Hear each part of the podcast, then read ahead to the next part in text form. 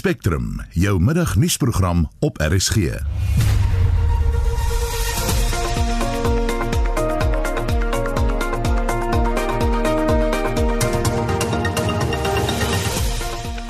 in die program vanmiddag saai Niasa ondertekende vennootskapsooreenkoms om boere met arbeidskwessies by te staan. Arbeidsverhoudinge is 'n uh, baie kontensieuse uh, aangeleentheid in landbou in die stede. Vanaand slaap jy op 'n ander plek as waar jou fabriek is en waar die arbeidsonrus is. Op 'n plaas is alles op dieselfde plek. Die lugverkeers- en navigasiediens ATNS oorweeg afleggings weens erge finansiële probleme. 'n Groep boere stap van die Oos-Kaap na die Unie gebou in Pretoria om bewustheid oor plaasmoorde te skep. Ek gaan baklei vir ons boere. En wie is ons boere hier in Suid-Afrika? Dis is wit, swart, Indian en Khoisan. Almal van ons. Daar is op Senegal. Ek was daar so by Brennonona gaan interview. Mense, dit is so hartseer. Die span in die ateljee vanmiddag is redakteur Marlenae Forsie, produksieregisseur Evert Snyman en ek is Susan Paxton. So by kan 6 minute oor 12 jy luister na Spectrum. Die Nasionale Werkgewersvereniging van Suid-Afrika NIASA en die Familielandbouorganisasie SAI het 'n vennootskapsooreenkoms onderteken om arbeidskwessies in die landbou te oorbrug. daarmee saam wil hulle boere help met arbeidskwessies en beleidsbeïnvloeding. Die president van NIASA, Gerard Papenfoos, sê hulle wil hê samesprekings en onderhandelinge met vakbonde en die staat moet tot voordeel van die landbousektor strek. Hulle poog ook om klein en medium ondernemings wat dikwels oorgesien word deur die Nasionale Ekonomiese Ontwikkelings- en Arbeidsraad, Business Unity South Africa of die Departement van Indiensneming en Arbeid te bemagtig. Hierdie ooreenkoms met die SA Agri Inisiatief is uh is 'n enorme deurbraak in die sin dat hulle is uh seker die vinnigs groeiende organisasie wat familieboere uh aanbetref en so ons voetspoor daar word geweldig vergroot. Nou uh boere uh, arbeidsverhoudinge waarin hy as spesialiseer is uh, baie kontensieuse uh, aangeleentheid in in landbou. En ek dink uh um, jy weet waar waar besighede in die stede vanaand slaap jy op 'n ander plek as waar jou fabriek is en waar die arbeidsonrus is op 'n plaas is alles op dieselfde plek. Dit maak daai verhouding kompleks in baie gevalle en dit met met met wysheid bestuur word. So die die uh, uh ooreenkoms met SAI uh, is 'n wonderlike voorreg om in daai tot tot daardie groot mate in daardie sektor toe te tree. Nou SAI as ek praat van familieboere behalwe kommersiële uh operasies is alle plase maar familieboere en en die ASA se se fokus van uh, uh, middelslag en kleiner besigheid is ook familiebesighede. So dit is dit is belangrik ons uh, besigheid met die uitsondering van uh, gelyste besighede is alle besigheid familiegeoriënteerde besigheid. Dit is hoe dit tot stand kom. Dit is 'n wonderlike voorreg en 'n groot uitdaging om ook op daardie terrein op hierdie vergrote rol te gaan speel. Dr Theo de Jager, SAI se voorsitter sê die landbousektor word gebruik as 'n politieke skaakstuk en daarom is dit belangrik om boere te beskerm met die ooreenkoms. SAI as 'n netwerk vir familieboere noem ons 'n netwerk en nie 'n organisasie of 'n unie nie, juis omdat ons eintlik maar 'n klein eie kapasiteit het en inprop in 'n groot klomp ander organisasies wat baie beter ervaring, kapasiteit en baanrekords het om boere se belange te bedien. En een daarvan is die National Employers Association of South Africa, NIASA. Daar is niemand wat meer verteenwoordigend is van die belange van klein en medium skaal besighede in die land as werkgewers as as wat NIASA is nie.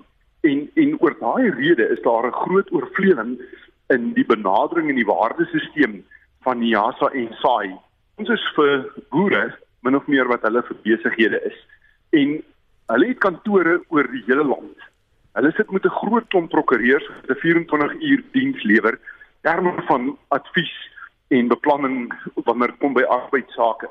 So die ooreenkoms wat ons gister met mekaar geteken het is dat SAI se ledetaal, ons ledevoetspoor wat in al 9 die provinsies is, voeg ons tot hulle voetspoor en nou is hulle verteenwoordigend ook van landbou wat hulle voorheen nie was en wat hulle vir ons tafel toe bring is elke lid van SAI het toegang tot al die ledevoordele van NIASA asof hy 'n lid is van NASA.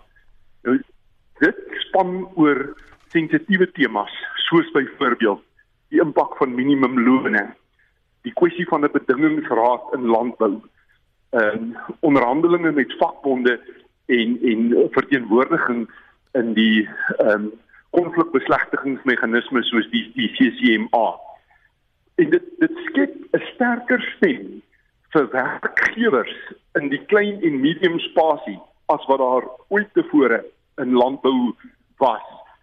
Dit gee 'n geleentheid om 'n bietjie terug te druk teen hierdie verstikkende beleidsomgewing wat maak dat dit baie moeilik geraak het vir boere om meer mense in diens te neem in 'n tyd wat Suid-Afrika dit eintlik die meeste nodig het. Daar's geen manier wat ons die probleem van armoede en honger gaan uitroei in Suid-Afrika as ons nie meer werkgeleenthede skep nie en dis waarby ons in hierdie vennootskap uiteindelik wil uitkom. Waarom die behoefte aan so iets? Die arbeidsbedeling in Suid-Afrika het noodwendig 'n politieke karakter aan hom en en die spanning tussen werkgewers en werknemers is besig om toe te neem, nie af te neem nie. En ongelukkig is die die een sektor landbou wat regtig die potensiaal het om honderde duisende nuwe werkgeleenthede te skep as hy blokke van sy voete afgehaal word is die die sektor wat nogal die meeste bedreig voel hierin en ons sien veral na die nuwe minimumloonvasstelling van verlede maand wat 16% hoër is as verlede jaar 'n geweldige afname in werkgeleenthede. En en dit juis in hierdie tyd wat so 'n vennootskap 'n verskil kan maak om kragdadig tot die openbare debat toe te tree en om die saam op te steek om te sê ons is nie net werkgewers nie, ons is ook potensiële werkgewers vorentoe. En dat ons baie ernstig is daaroor om 'n wesenlike verskil te maak in die stryd teen armoede en honger en dit was die voorsteur van die Saai Landbouorganisasie Dr Tieu die Jager. Ons bly by nuus uit die landbousektor. 'n Groep boere het 2 weke gelede vanuit die Oos-Kaap na die Uniegebou in Pretoria begin stap om bewustheid oor plaasmoorde te skep. Die groep aktiviste gaan 'n griefskrif met eise aan die president oorhandig. Petrus Sito en sy groep se staptog word nou ook deur die Khoisan gemeenskap ondersteun. Hy het aan Marlenae Forsie gesê hy het hierop besluit want genoeg is genoeg. Ek gaan baklei vir ons boere en wie is ons boere hier in Suid-Afrika? Dit is wit, swart, Indian en Khoisan, almal van ons. Daar is op Senegal, ek was daar so by Brennanona gaan interview. Mense, dit is so hartseer. As hierdie ding nie gebeur by jou huis nie. Pas op, hierdie ding ek gaan eh, eh, daar so by jou kom. Eh, hierdie regering, hulle maak ons boere dood. Nou ek weet as ek het gesê genoeg is genoeg. Want ek bak net vir ons kos, my kos in die tafel. Dan bak ek vir die boere. Ek bak net vir die maatskappy. Ek bak net vir iemand hier so by Suid-Afrika. Wat is die reaksie van ander boere? Dis uh groot support. Dis hoekom ek sê hierdie ding gaan die eerste gebeur hier in Suid-Afrika. Laat die swart man loop vir die Suid-Afrikaanse mense en including die president. Mense, die 7de Mei, dit gaan Vrydag wees 9 uur. Union Building, almal vir ons, uh, die media, die mense van Suid-Afrika, die boere, swart, wit, ons almal gaan daar so wees.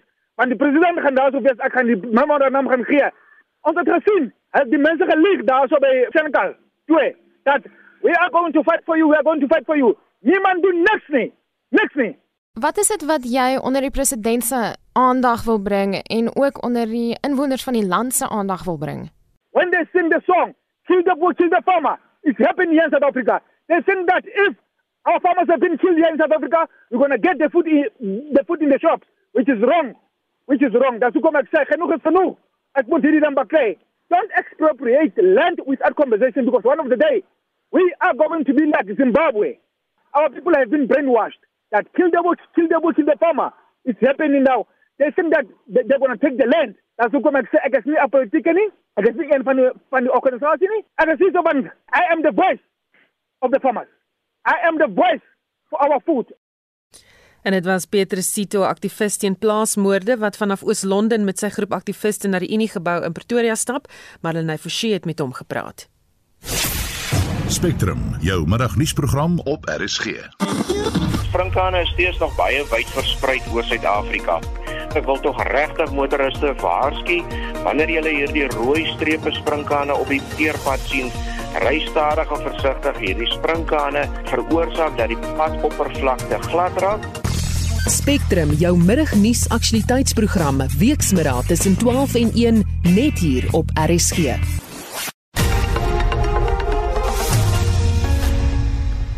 Sy bykans kwart oor 12 die lugverkeers en navigasiediens ATNS beweer hy moet sy kontantreserwes gebruik om kop bo water te hou.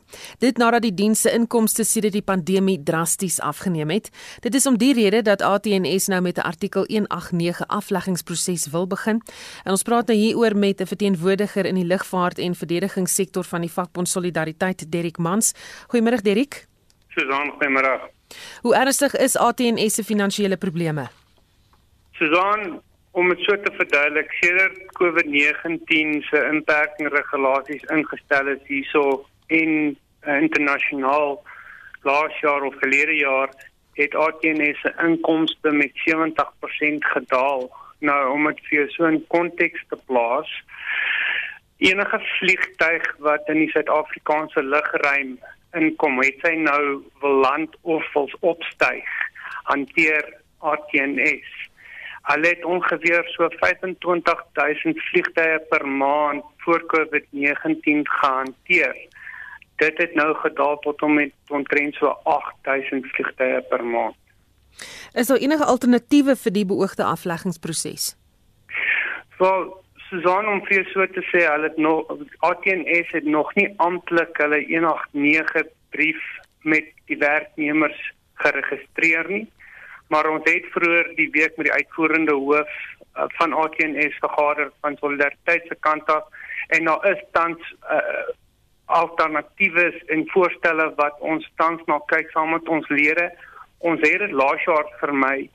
Ons kan dit sekerlik hierdie jaar ook vermy as daar alternatiewe wel um, geïmplementeer word. Hoe vinnig gaan daar sekerheid wees? Susan, wel die sekerheid is relatief om vir jou so te sê ons is tans besig met besprekings en uh, vergaderings met ons lede maar definitief as as daar is omtrent 12 alternatiewe wat ons tans oorweeg ek dink ons kan regtig waar alternatiewe vermy as dit geïmplementeer word. Baie dankie dit was die stem van Derek Mans se verteenwoordiger in die lugvaart en verdedigingssektor van die vakbond Solidariteit Die eerste kwartaal van 2021 skooljaar lê op sy rug en verskeie vakbonde rolspelers in die onderwyssektor vra nou dat die minister van basiese onderwys, Angie Motshega, die moontlikheid ondersoek dat kinders weer voltyds terugkeer skool toe. Die onderwyskenner, Dr. Frans Janudee, waarsku egter dat mense kinders nie te gou voltyds terugstuur nie. Hy sê mense moet besef onderrig soos wat ons dit altyd geken het, is vir ewig weg. Ons moet baie versigtig wees om te hinker terug na normaal toe. Ons moet onthou dat voor die pandemie het ons al klaar 'n klompie probleme gehad met die onderwysstelsel. So die wêreld het verander, die manier van werk het verander. So om terug te gaan na 'n skoolstelsel toe soos wat dit was in die ou normaal is dalk nie goed vir ons kinders nie en ek dink nie dit noodwendig vir die gesondheidsredes dat uh, dat dit nie goed is om uh, uh, terug te gaan nie. Ek dink as ons teruggaan na 'n stelsel toe waar die klasse oorvol is, waar ons nie genoeg skole het nie, waar die onderwysers nie opgelei is om die kinders te leer soos wat hulle geleer wil word of moet word nie, gaan ons bietjie in 'n strik trap. Nou vir nie vir een oomblik sê ek dat ons nie die kinders wil terug hê by die skole nie. Ek dink ons moet baie sorgvuldig dink oor hoe ons hierdie gaan aanpak, want ons sit met 'n geleentheid wat ons nou het wat ons nie voorheen gehad het nie. Ons kan as te ware die kurrikulum, jy weet, herdink. Ons kan die stelsel oor hoe ons hierdie kinders leer kan ons herdink. As ons gaan teruggaan na die manier van skool gee vir soos wat dit was voor die pandemie, dan dink ek het ons 'n optimale geleentheid um, nie benut nie. Wat is die nadele verbonde aan die feit dat kinders nie elke dag skool toe gaan nie, dink jy? Daar is verskeie nadele aan die feit dat die kinders nie elke dag kontak met hulle onderwyser het nie. So of dit in die klaskamer gebeur en of dit by die huis gebeur, dink ek um die die wêreld is op so so stadium of so spasie waar dit kinders by die huis sal kan leer, maar die toegang tot die onderwyser is die belangrike ding. En daai daai intense toegang tot die onderwyser waar die onderwyser en die leerder kwaliteit tyd mekaar kan saam spandeer. Nou vir ons sosio uh, sosio-ekonomiese uh, toestande in ons land blyk dit dat die beste manier om daai kontaktyd met die onderwyser te behou is steeds om dit by die skool te doen. die sosio-ekonomiese uh, gevalle of die die nadele aan kinders wat by die huis bly op 'n gereelde basis. Um, ons sien dat daar verskriklik baie uitdagings is. Um al is dit net weer die voedingsskemas vir die skole waar die kinders nie noodwendig weet uh, sorgvuldige voeding kry nie. Ons sien um in sommige skole en ek uh, dit is maar uh, wat ons hoor by ander onderwysers dat die swangerskapsgevalle by skole is nou meer as wat dit in die verlede was. So ek sal baie graag die navorsing wil sien om te kyk wat die wat die impak van van uh, tiener swangerskappe was tydens die tydperk waar die kinders nie by die skool is nie. Maar dan natuurlik ons on, ons ouers het nie noodwendig ook die vaardighede om die kinders te ondersteun wanneer hulle by die huis is nie en ook nie noodwendig die tyd om die kinders te ondersteun wanneer hulle by die huis is nie. So om die kinders terug by die skool te kry, gaan daai kontak met die onderwyser uh, verbeter en baie onderwysers, baie skole um, smag daarna om die kinders weer by die skool te hê. Maar moet ons maar verlief neem dat skool soos ons geken het, dit is nou vir ewig verby. Ja, ek hoop so, want die manier hoe skool um, was in die verlede, dink ek nie was noodwendig die die beste manier om ons kinders te leer nie. Um, ons het geweldig baie tyd um, gemors in 'n klaskamer waar die onderwyser eenvoudig net, jy weet, um, voor in die klaskamer staan en praat. Baie onderwyser gesentreerde lesse dalk het ons nou agtergekom dat daar ander maniere is wat meer effektief is om kinders te kry om te leer en dalk nie meer dalk 'n bietjie meer selfgedrewe leer onder die leerders te vestig. Maar as ons dit ehm um, sistemies wil toepas, gaan daar verskriklik baie opleiding vir ons onderwysers moet wees en dit gaan as te ware 'n nuwe leerkultuur in ons skole moet teweegbring. En dit was Dr. Franco Nudie, onderwyskenner. Die adjunk uitvoerende hoof van FETSAS, Jakodieken, waarsku dat die Gautengse Departement van Onderwys se sentralisering van mag oor skoleplasings nadelige gevolge vir kinders inhou. Hy het aan Mitsi van der Merwe gesê daar word geen onderskeid gemaak tussen die toelatingsbeleid en taalbeleid van skole nie. Ja, ek dink taal en toelating kan nooit heeltemal van mekaar losgemaak word nie. En as 'n ouer sy leerder inskryf, dan het die ouer en die leerder die reg om te kies wat die taal van onderrig sal wees. En 'n sentrale registrasiepunt wat nie daardie faktore in ag neem nie en wat dan by implikasie eintlik die skool se eie toelatingsbeleid en taalbeleid ignoreer, is niks anders as die sentralisering van magte in die staat om te besluit wie in watter skool mag wees nie. Dit dreis in teen dit wat die grondwet sê oor vryheid van keuse nommer 1 en nommer 2 ook die bepalinge van die Suid-Afrikaanse skolewet wat die beheerliggame die mag te gee om die beleid te bepaal rondom taal en toelating natuurlik sonder om te diskrimineer binne die raamwerk van die grondwet. Het jy vir my voorbeelde onlangse voorbeeld van waar hierdie situasie nadelig gedraai het? Ja, ek dink die ouers in Gauteng sal lank trane huil as daar met hulle gepraat word dat jy dalk eh, 'n hande tref van 'n skool of bly en dan jy nou nie in daardie skool plek gekry nie en niemand weet hoe die rekenaar besluit het wie waar dan nou sou plek kry nie alhoewel ouers uh, uit vyf skole kon kies is ons nie presies seker hoe die gerekenariseerde stelsel in die Gautengse onderwysdepartement werk nie want daar word op hierdie stadium nie toegang gegee selfs vir die beheerliggaam organisasies om presies te sien hoe werk hierdie agterkant nie. Nou as dan niks is om weg te steek nie dan behoort die departement dan mos vir sy vennote die voordeel te gee om te kyk hoe werk hierdie stelsel en hoe word dit toegeken en daarom hang daar 'n groot vraagteken daaroor. Wat doen julle daaromtrent Ons is in gereelde gesprek met die departement, maar die probleem is die besluitnemingsgesag na die bokant toe net eenvoudig hulle die Engelse hulle minds opgemaak of die besluit reeds geneem hoe dit toegepas kan word. So die sogenaamde konsultasies is meer 'n frustrasie want daar word meer vir partye gesê hoe dinge gaan werk. Daar sou 'n werklike oorlegpleging plaasvind as vennote in onderwys. So die vergaderings is daar, maar daar is nie werklike konsultasies in die ware sin van die woord. So wat is die volgende stap? Die volgende stap is waar kinders benadeel sou word dat daardie spesifieke gevalle die geskilprosedure eerstens moet volg as jy nie geplaas is nie of ongelukkig is om deur die appelprosedures te gaan na die onderwyshoof en na die LER toe, as daar steeds gediskrimineer word of skole benadeel word, dan is is hofaansoek nooit uitgesluit nie, maar 'n mens hoop regtig om nooit daar te kom nie. Gautengse probleme gaan nie opgelos word met die elektroniese stelsel wat kinders gaan plaas nie. Daar's te min skole, so daar moet gebou word. En daar het nog weinig gekom van die skool per maand wat meer Lesofie beloof het. Maar 'n skool per maand is te min. Daar's ten minste 400 skole wat in Gauteng kort en ons weet daar's geweldige druk ook in die Wes-Kaap met die invloed van mense en wat dan ook die implikasie het dat leerders ook skole soek in die Wes-Kaap. En dit was Jaco Deeken die adjunk uitvoerende hoof van FETSAS wat met Mitsi van der Merwe gepraat het. En steeds by die onderwys, die onderwysersvakbond Naptosa beskuldig die departement van basiese onderwys daarvan dat hy verantwoordelik is vir die landwyse tekort aan onderwysers. Die uitvoerende direkteur Basil Manuel het aan Winsome Mofokeng gesê dit is 'n skande dat onderwysers nie aangestel word terwyl daar duisende gekwalifiseerde onderwysers is nie. Ons het ook verneem van die aanstelling van onderwysers toe minister Machega nou die parlement gespreek het.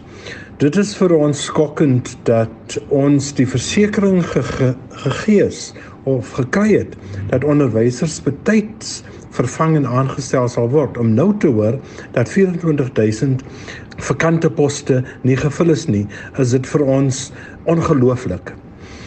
Dit gaan dus nie oor 'n tekort nie. Uh dis glad nie 'n tekort van onderwysers. Dit gaan oor die nie aanstelling. Dis administratiewe ondoeltreffendheid kan ons nou bloot sê want daar is der duisende uh, onderwysers wat by die huis sit. Daar is der duisende nuwe gekwalifiseerde onderwysers by die huis. Jy gee ook die departement van onderwys die skuld. Hoekom? Die departement is uh, daaraan skuldig dat hulle ons mislei het en beloftes gemaak het dat hulle onderwysers sal betyds aanstel. Dit het in Januarie maand al gebeur en nou hoor ons dat daar nie mense dat die mense nie aangestel is nie. Nou dra die departement se pogings om meer goeie onderwysers te werf enige vrugte en al dan nie, hoe moet dit benader word? Dit gaan nie oor werwing nie. Dit gaan oor uh, aanstellings en uh die werwing van onderwysers gebeur maar. En ons kan uh gesels of uh daaroor of die regte mense gewerf word. Maar ons weet daarom dat daar kwaliteit mense in die stelsel is wat wat uh opgelei word. Maar ons kan ook uh sien dat daar groot probleme is met die aanstellingsmetodes in in uh, KwaZulu-Natal by byvoorbeeld hoor ek dat die die uh die app wat hulle gebruik om te laat weet dat hulle nou poste soek nie vir die vir die, vir die ehm um, laaste 2 maande werk. Hoe kan dit die die die storie wees? Skoolhoofde, onderwysers, leerdlinge en ouers uh, word hierby sleg beïnvloed want ehm uh, skole het nie die regte getal uh, onderwysers nie en nou moet uh, onderwysers instaan en partykeer is hulle nie opgelei vir die vakke waarvoor hulle instaan nie. En dit is nie 'n situasie wat ons ons kan uh aanvaar nie. Dis dis slegte mishandeling van 'n situasie. Wat sal 'n goeie strategie wees om skooliere se onderrigstandaard te verbeter? Ons moet aandag gee aan die ondoeltreffendheid van distrikte en provinsies en die aanstellingsprosesse moet noukeurig uh, onder die uh, loop gebring word want ons moet sien dat hierdie goed werk. Ons kan nie na 4 maande 4 maande nou ontdek dat 24000 onderwysers nog nie aangestel is nie. Dis 'n skande vir ons hele land. En dit was Basil Manuel, die uitvoerende direkteur van Naptosa wat met Vincent Mofokeng gepraat het. Spectrum, jou middagnuusprogram op RSG.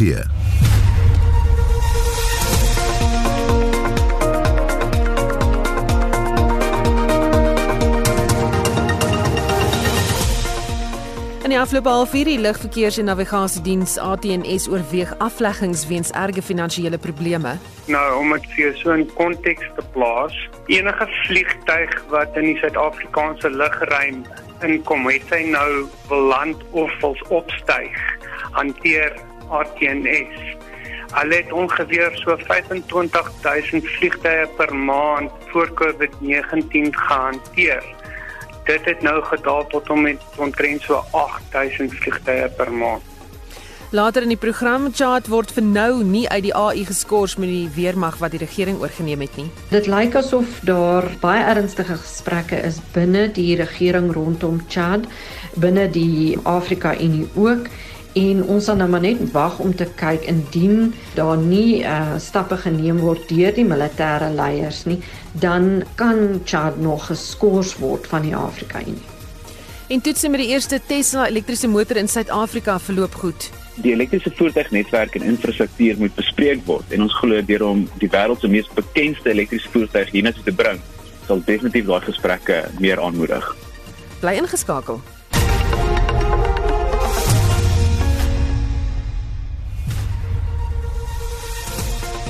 We are fed up paying rates and taxes and getting no support from government and local government. Will you be evacuating today? I will not be evacuating. I will protect my house that I pay rates and taxes on, that I transferred five years ago, and where I raised my family. I will do it by myself.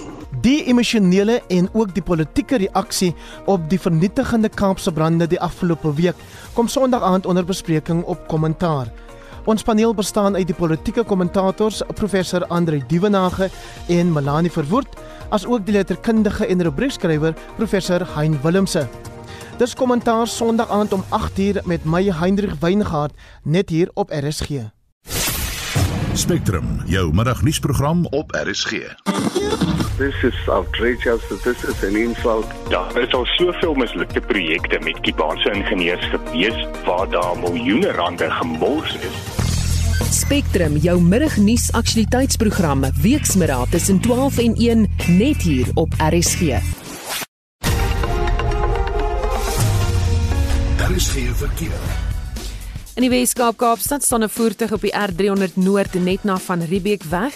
Dan was daar 'n botsing op die N1 stad en op die Toyskloof pas. In KwaZulu-Natal is die verkeer baie druk op die N2 noord tussen Umhlanga Wisselaar en Sibaya Rylaan. En dan sien ek ook dat die verkeer reeds baie druk is op die N3 rigting Durban. Uh, by die hoek is daar reeds uh, 1023 voertuie wat daar deur die tolhekke beweeg by uh, Wilgetollhek 957. Dis nou alles in die rigting van Durban. Tugela 914 en by Mooi Tollhek 1564. So as jy daar op die paaie is, wees versigtig en wees geduldig en kom net veilig by 'n bestemming aan sodat jy jou vakansie kan geniet.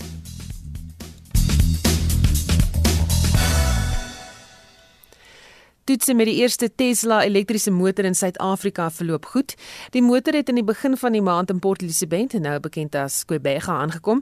Die nasionale hoof van ontleding en monitering van Rubicon Energy, Campbell Smith, het vanoggend op Monitor gesê, hulle kyk onder andere hoe Tesla se produkte kan werk op ons kragnetwerk. Die Model X wat in die land is sal meer gesprekke ontlok oor die Tesla Megapak en Kragpak wat geïntegreer kan word met Eskom se kragnetwerk asook met munisipaliteite. So ons kan begin kyk na hernubare kragstasies op te stel deur om hierdie Tesla produkte na die land te bring. So die elektriese voertuignetwerk en infrastruktuur moet bespreek word en ons glo deur om die wêreld se mees bekende elektriese voertuig hiernatoe te bring, sal definitief daai gesprekke uh, meer aanmoedig. Hy sê dit is moeilik om te sê of Suid-Afrika gereed is om elektriese motors op groot skaal te gebruik. Ek gaan sê ja en nee. Ek dink die private sektor sal dit kan. Mense ry binne 30 km werk toe en terug.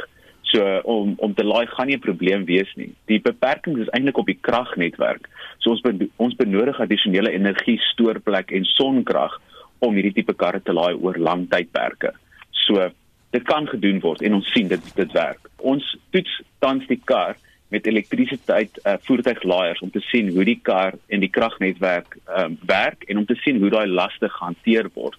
So deur om dit te doen, word ons spesialiste in die mark en ons kan advies gee vir mense hoe om hierdie kar te gebruik. Die regering sal verskeie wysigings moet aanbring om die proses te vergemaklik. Die regering moet 'n bietjie van hulle regulasies verander en kyk hoe ons sommer met hulle kan werk om hierdie goeders te kan laat gebeur. Huidiglik kan mense verwag tot om tot en met 90% tariewe te betaal as hulle hierdie tipe karre inbring. So die eerste stapie is om te kry dat die regering hierdie tariewe afbring na 0% vir 'n sekere hoeveelheid jaar of 'n voorbeeld is om hierdie heffings 0% te maak vir die eerste 50000 elektriese karre byvoorbeeld. As hulle dit doen, dan gaan daar baie vinniger uh hierdie tipe karre in die land inkom en mense kan dit kan begin gebruik. Greg Blandford en en ons span is besig om met hulle te gesels en hoe ons dit regkry is deur om met uh ons ingenieurs en installeerders wat gewoonlik met ons uh besigheid doen, hulle betrokke te kry om hierdie gesprekke te ontlok. So daai is 'n uh, 'n lang proses, maar ons is besig daarmee. Dit was Campbell Smith, die nasionale hoof van ontleding en monitering van Rubicon Energy. Ek is Justin Kennerly vir SI Garnis. Nedbank beoog om teen 2045 net finansiering te verskaf aan maatskappye wat hulle self daartoe verbind om nie fossiel brandstof te gebruik in hulle werksaamhede nie. Robin Hugo, die organisasie Just Share se direkteur vir klimaatsverandering programme sê, Nedbank is die eerste groot bank wat daadwerklik iets doen om klimaatsverandering teen te werk. So Nedbank yesterday released its energy policy and it updated its climate change position statement. What's exciting about this policy is that it's by far the most ambitious fossil fuel financing policy of any South African bank, number one, but also that it seems to set a global leadership standard among large commercial banks. It avoids the adoption of, of the very common standard net zero by 2050 target that many financial institutions have been referring to. Instead, Nedbank says they are aiming for zero fossil fuel exposure by 2045. They set out specific short, medium, and long term deadlines to decarbonize their financing, which they recognize as extremely urgent to do. And they actually expand their fossil fuel financing exclusions. Hugo hoop dat ander finansieringsinstellings in Nedbank se voetspore sal volg. So, as your listeners will know, the Paris Agreement requires urgent action to reach global peaking greenhouse gas emissions as soon as possible. And we need to make finance flows consistent with a pathway towards low GHG emissions and climate resilient development. What that means is that all financial institutions must limit their exposure to fossil fuels, which are driving the climate crisis, and scale up and direct the money towards assets and investments that we need for future low carbon, resilient, and sustainable economies. So Nedbank doesn't simply pay lip service to these goals of the Paris Climate Agreement. It shows through this energy policy and its climate statement that it understands the implications of the Paris Agreement and of climate science for its financing.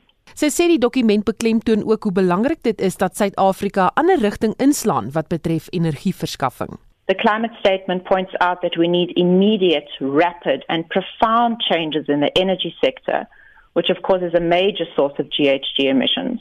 The energy policy recognizes that we need a zero carbon energy system by 2050, and that to get there, we need an orderly exit from fossil fuel financing well before that date. They also recognize that the longer we delay peaking our carbon emissions, the steeper and the deeper, in other words, much more significant and much harder emission reductions are going to be needed in future. In fact, climate science says we need to halve emissions by 2030 to avoid the most severe impacts of the climate crisis. En dit was Robin Hugo, die direkteur vir klimaatsverandering programme vir die organisasie Just Share. Inwoners van Marikana Noordwes dring daarop aan dat die myne in die omgewing hulle in diens neem. Hulle het vroeër die week die paaie na Sibanya Stillwater myn versper waar hulle glo met die myn se veiligheidswagte gebots het. Anne Marie Jansen van Vierenburg.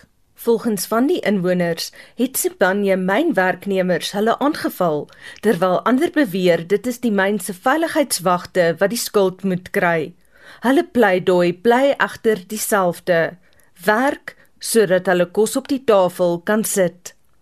Intussen het Sibanye Stillwater verlede week aangekondig dat hulle beplan om 4000 werksgeleenthede by hul Marikana myn te skep.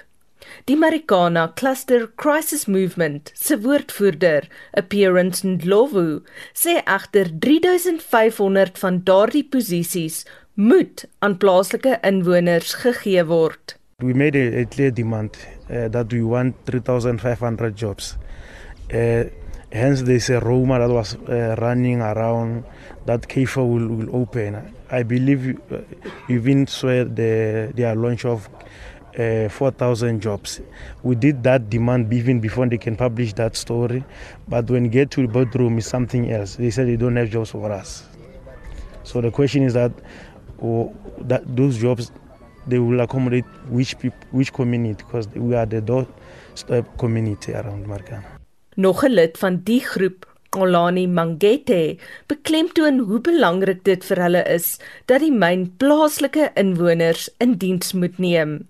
Some of the people that, that are old, they actually got uh, some small businesses that they want to get from the mine. We also want that uh, to take to, to, to, to stand up and help those people because if they are old, they can't even uh, have that opportunity to go to work to the mine and they don't have some of the experience. Maar Sibanye Stillwater se woordvoerder, Tabisile Pumo, sê hulle doen hulle bes en inwoners moet dit so aanvaar. Unfortunately, this group is uh, spreading uh, misinformation We do have programs looking at local procurement uh, as well as enterprise development and jobs. Uh, because there are recognized structures in this area, there is a process that is used to make sure that there's an equitable spread of jobs in the areas. Die verslag van Itumeleng Khayane in Marikana en ek is Anne Marie Jansen van Vuren vir SAK nuus. Leon van hier op skinder teen die einde van die program oor die jongste verwikkelinge in die popsanger en liedjie-skrywer Boy George se lewe. Ons wil nog nie te veel sê nie, maar wat ek kan sê is dat een van Culture Club se treffers, Kama Chameleon, ter sprake is.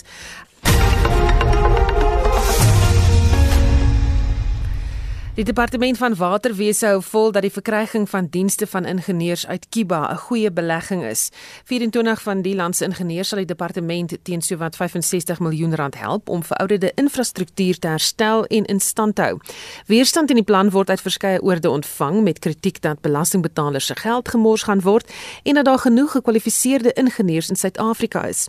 Die woordvoerder van die departement van waterwese, Sputnik Retail, sê egter die Kibane se bydrae is 'n waardevolle belegging in ons infrastruktuur. We are isolating the issue of the Cuban from the normal international relations kind of uh, uh, uh, work that we do. And remember that in the, in that instance, we have relations with a number of countries across the globe. Uh, where we are having different things that we do together with them. And in this instance, the one leg of our agreement with the, uh, the Republic of Cuba is around the matter of water uh, uh, management and, and, and so on, or, or water sector activity anyway. And this has been uh, part of what we have been doing since our agreement that was signed in 2001. So this is but one part of the number of cohorts that we have received and and and and over the years and that have been working with us. Op kritiek dat Suid-Afrika genoeg en hoogs gekwalifiseerde ingenieurs het om die werk te doen, het Retal so gereageer. This is about value for money for the department, for the sector. And this is especially uh, uh, when it comes to the issues that we are looking at in our municipalities as well as in some of our uh, uh, cluster offices. And as well as with looking at capacity building to our up and, and, and coming and young engineers, technicians and artisans in municipalities and, and at head office. We have had over uh, a period. You know, some of those uh, we've got, we've got uh, some of the examples of our uh, graduate trainees that have been able to benefit from their engagement with these people, with their with their Cuban engineers previously. Ratau beklemtoon dat hierdie nie 'n kompetisie is tussen Suid-Afrikaanse ingenieurs en die van Kiba nie, maar bloot 'n manier om die stelsel te verbeter. It is part of what we are saying that this is not to say we are we do not have people who can and we are, this is not a competition between our compatriots and the, the people that we are talking about at all. En dit was die woordvoerder van die departement van waterwese Sputnik Retel. Die Afrika Unie se Vredes- en Veiligheidsraad het gister vergader om die onlangse gebeure in Tjad te bespreek. Die land se president Idris Deby is dood tydens 'n geveg met rebelle. 'n Senior navorser by die Instituut vir Sekuriteitsstudies, Liesel Louwodren sê, die Afrika Unie se beginsel stel dit duidelik dat as die grondwet van 'n land nie gerespekteer word nie, soos met 'n staatsgreep, moet die land uit die AU geskort word. Tog het sy vir Anne Marie se van Vieren gesê dit het nie in hierdie geval gebeur nie. Dit was 'n baie belangrike vergadering vir die Afrika Unie en meer nog omdat die voorsitter van die Afrika Unie Kommissie, Musa Faki Mahamat, 'n Chadier is en hy was die voormalige minister van buitelandse sake van Chad. So dit plaas die organisasie in ietwat van 'n moeilike posisie, maar mens moet onthou dat die Vredes- en Veiligheidsraad is die lidlande van die AU en nie die kommissie nie. Goed, so hulle het 'n mandaat om 'n land te skors indien daar so 'n staatsgreep plaasgevind het. Hulle het besluit om dit nie te doen nie. Hulle het maar bietjie versigtig getrap en gesê hulle vra wel dat die militêre leiers mag moet oorgee aan 'n grondwetlike aangewese regering. So Chad word nie geskort nie, maar hy word gewaarsku dat indien die generaals nou nie oorgee aan 'n burgerlike regering nie, hulle vra ook nie onmiddellik vir verkiesings nie, maar dan sal Chad geskort word. Wat dink jy daarvan? Moet ons iets daarin lees? Ons het dit al in verskeie uh, scenario's in die verlede gesien, byvoorbeeld in Burkina Faso, in Sudan byvoorbeeld, is die regering, uh, die militêre leiers daar, ek dink 3 maande of iets gegee om dan nou 'n siviele regering aan bewind te stel. So, ehm um, dit lyk asof daar baie ernstige gesprekke is binne die regering rondom Chad, binne die ehm um, Afrika Unie ook en ons sal nou maar net wag om te kyk indien daar nie uh, stappe geneem word deur die militêre leiers nie, dan kan Chad nog geskort word van die Afrika Unie. En dit was 'n uh, Afrika kenner by die Instituut vir Sekuriteitsstudies Liesel Lewodren en sy het met Anne Marie Jansen van Vieren gepraat. Nächste storie wat die hartsnare sal roer, 'n staffie genaamd Jessie is deur die Boksburg DBV vereer met 'n dierehelde toekenning nadat hy 'n ander hondjie van verdrinking gered het. Die 13-jarige toypom genaamd Chucky is deur Jessie uit 'n swembad gered. Die video van die gebeurtenis het soos 'n veldbrand op sosiale media versprei. Nou, die hele redding het 34 minute lank uh, geduur. Jessie en Chucky se eienaars Byron en Melissa Tynerin het die redding eers na die tyd gesien toe hulle deur die sekuriteitskameras gestoorde opnames gegaan het want hulle kon nie verstaan hoekom Chucky so nat was nie. Jessie is 5 jaar gelede by die uh, spesifieke DBV tak aangeneem. En is nou bykans 10 minute voor 1. Die saak nuus word aan jou gebring deur Philip Baumgart, 'n portefeuljebestuurder by Sanlam Private Welvaart. Goeiemiddag Philip. Goeiemôre Susan en goeiemôre luisteraars. Die Amerikaanse markte het gisteraand negatief gesluit na president Biden aangekondig het hulle wil belasting op welvaart verhoog deur kapitaalwinsbelasting te verdubbel. Daar was wel bietjie positiewe nuus. 76% van maatskappye wat verdienste gerapporteer het vir die eerste kwartaal in Amerika het beter as verwagte resultate gelewer. In die ooste en Australië was die kommuniteite wat beter gevaar het en dis ook die rede hoekom ons maar vandag positief verhandel. As ons net kyk na die JSE vandag, die algehele indeks uh, verhandel op 67086 wat so 0,17% op is soos ek gesê het, dis dit maar hulpbronne wat die sterkste is. Daai indeks is 0.4% op, gevolg met finansiëel wat so 0.25% op is en industrieel is so 0.07% af. As ons net kyk na die Europese markte vandag, die Duitse DAX is op so 0.3% af. Franse CAC is 0.1 en die FTSE in Londen is so 0.44% af. As ek kyk na die Amerikaanse termynkontrakte vir opening vanmiddag, is hulle positief so 0,23%. Net op die kommoditeite, Brent olie is so 65 dollar per vat. Hy is so 0,2% af oornag. Platinum is op 1206 dollar per ons wat so 0,5% af is.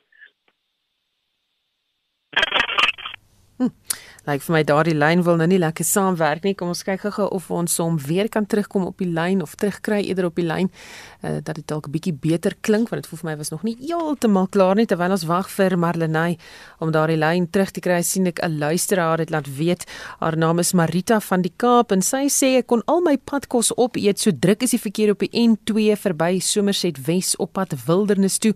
Al die pad in tweede rad gery en dis rof. Dis nou Marita van die Kaap wat laat weet. Dankie dat jy laat weet en uh, as jy op daardie pad is, ry vir my asseblief verskriklik versigtig en wees maar net geduldig en kom uit daar by jou bestemming en uh, dan begin jou vakansie sommer goed um, terwyl uh, almal nou op vakansie gaan. En uh, onthou net daar in Kaapstad staan 'n voertuig op die R300 Noord net na van Riebeek weg en uh, dis net daar in die noodbane dit ontwrig verkeer. Dit lyk vir my as dit vir Philip terug. Philip, is jy daar? Nee, amper nou is nou daar. Kom ons hoor net Nee, dit lyk vir my ons het 'n probleem daar. Nee, lyk like my is nou intussen terug. Philip, is jy daar? Sent afwas. Platinum is op 1206 dollar per fyn ons wat so 0,5% af is en palladium is op 2837 dollar wat so 1.1% af is. Uh net nie wisselkoerse, die rand dollar is op 14.28 wat maar eintlik onveranderd is. Die rand euro is op 17.22 en die pond is 19.83. En daarmee terug na julle. Baie dankie, dit was Philip Baumgart, 'n portefeuljebestuurder by Sanlam Private Welvaart. Leon van Heerop het 'n opsomming van die jongste kindernuus uit Hollywood. Mense wat gereeld luister weet ek haat die Golden Globes. Ek betwyfel hul bestaansreg. Dis een groot party wat my betref waar die buitelandse perskorrespondente waarvan ek nie een is nie, lekker bitterbal daar, né? Bloot saam met bekendes om dieselfde tafel sit en ooh en ah, soos net Hollywood kan. Hul onlangse toekennings waaroor ek baie suur op Monitor en Spectrum was, was een van die swakste televisie-uitsendings ooit en is in Amerika vergrys in resensies. Die Golden Globes was 'n fiasco. Nou sê IndieWire, Hollywood se mees betroubare bron, dat dit lyk of die Globes daarmee heen is. Die aanklagte teen hulle en ek moet bekendkloon, dit is glo wat verkeerd is, is rassistiese benoemings, 'n afskeep van vroue regisseurs, perslede wat nie na films kyk waarmee hulle ongemaklik is nie, 'n aardsonde vir enigers en sent ek het Voyagers oorleef en 'n verslawing aan bekendes of celebrities en te veel vals glans. Of die Globes gaan voortbestaan, ek hou julle op hoogte. Hoeveel van julle het op Boy George groot geword? Oeps, dit klink so bietjie verdagte. Kom ek verander dit na het met Boy George se musiek groot geword. Hy was mos in die tronk ook.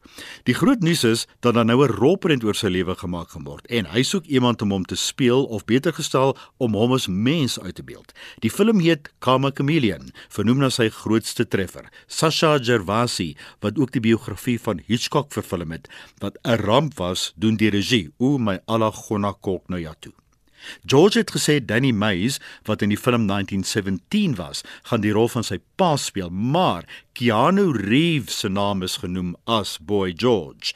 En nou by George se lewe is al op die verhoog uitgebeeld in die musiekblyspel Taboo wat geflop het op die verhoog. Volgens Google was Boy George vir 15 maande in die tronk omdat hy 'n manlike prostituut gevang gehou het in 2009. En Tom Cruise het bevestig dat sy jongste Mission Impossible film nommer 7 einde November 2021 uitgereik gaan word. Dit was ons filmresensent Leon van Nierop. Talle studente van die Universiteit van Kaapstad teruggekeer na hulle koshuise nadat 'n verwoestende brand vroeër hierdie week uitgebreek het. 4000 studente moes hulle kamers ontruim en is sedertdien in hotelle geplaas. Studente wat in die Fuller en Smiths Hall woonagtig was, sal egter steeds tydelik elders gehuisves word. Kamal Loggenberg Roberts berig. Talle studente het 'n paar dae by hotelle reg oor Kaapstad deurgebring, maar kan nou terugkeer na hul wonings. Sommige studente wat in die beskadigde Voele en Smatshol gebou woon, kan egter net van hul persoonlike besittings afhaal voor hulle weer tydelik by hotelle tuis gaan.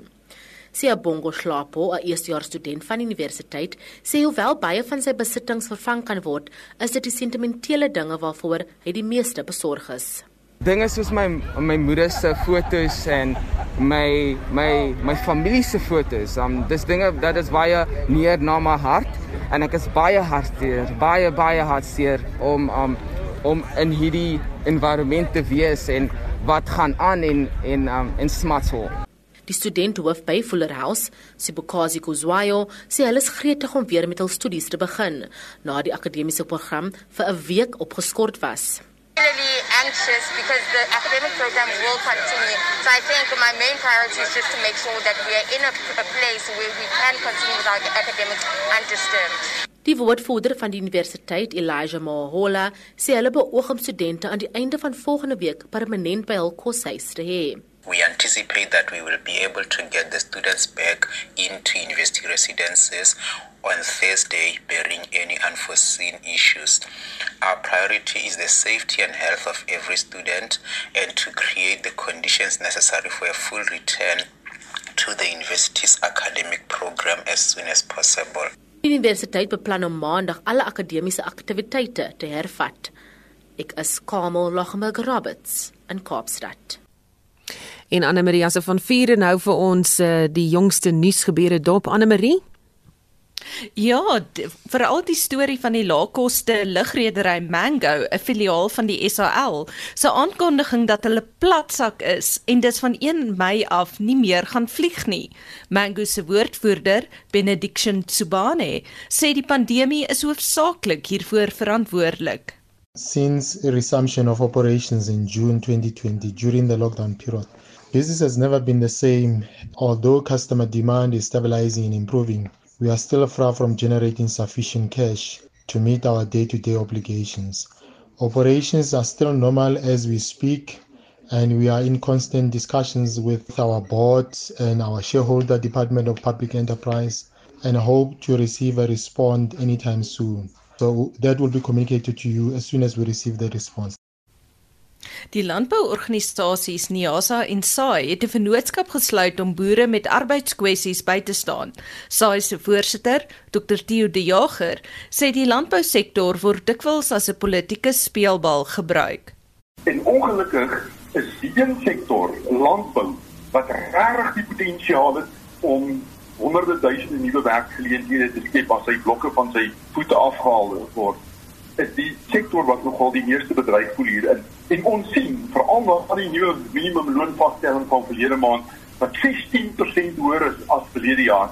'n Geweldige afname in werkgeleenthede. En dit is juis in hierdie tyd wat so 'n vennootskap 'n verskil kan maak om kragtadig tot die openbare debat toe te tree.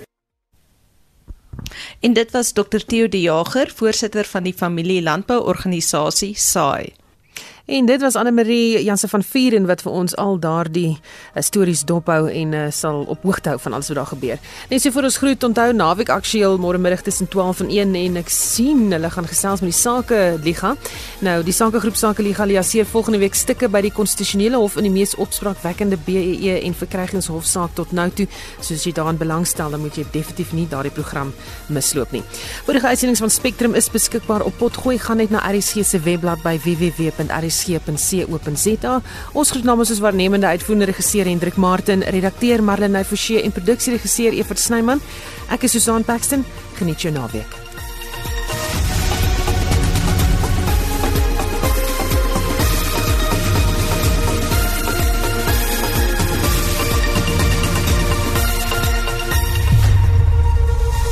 Esai Kahnis, onafhanklik, onpartydig.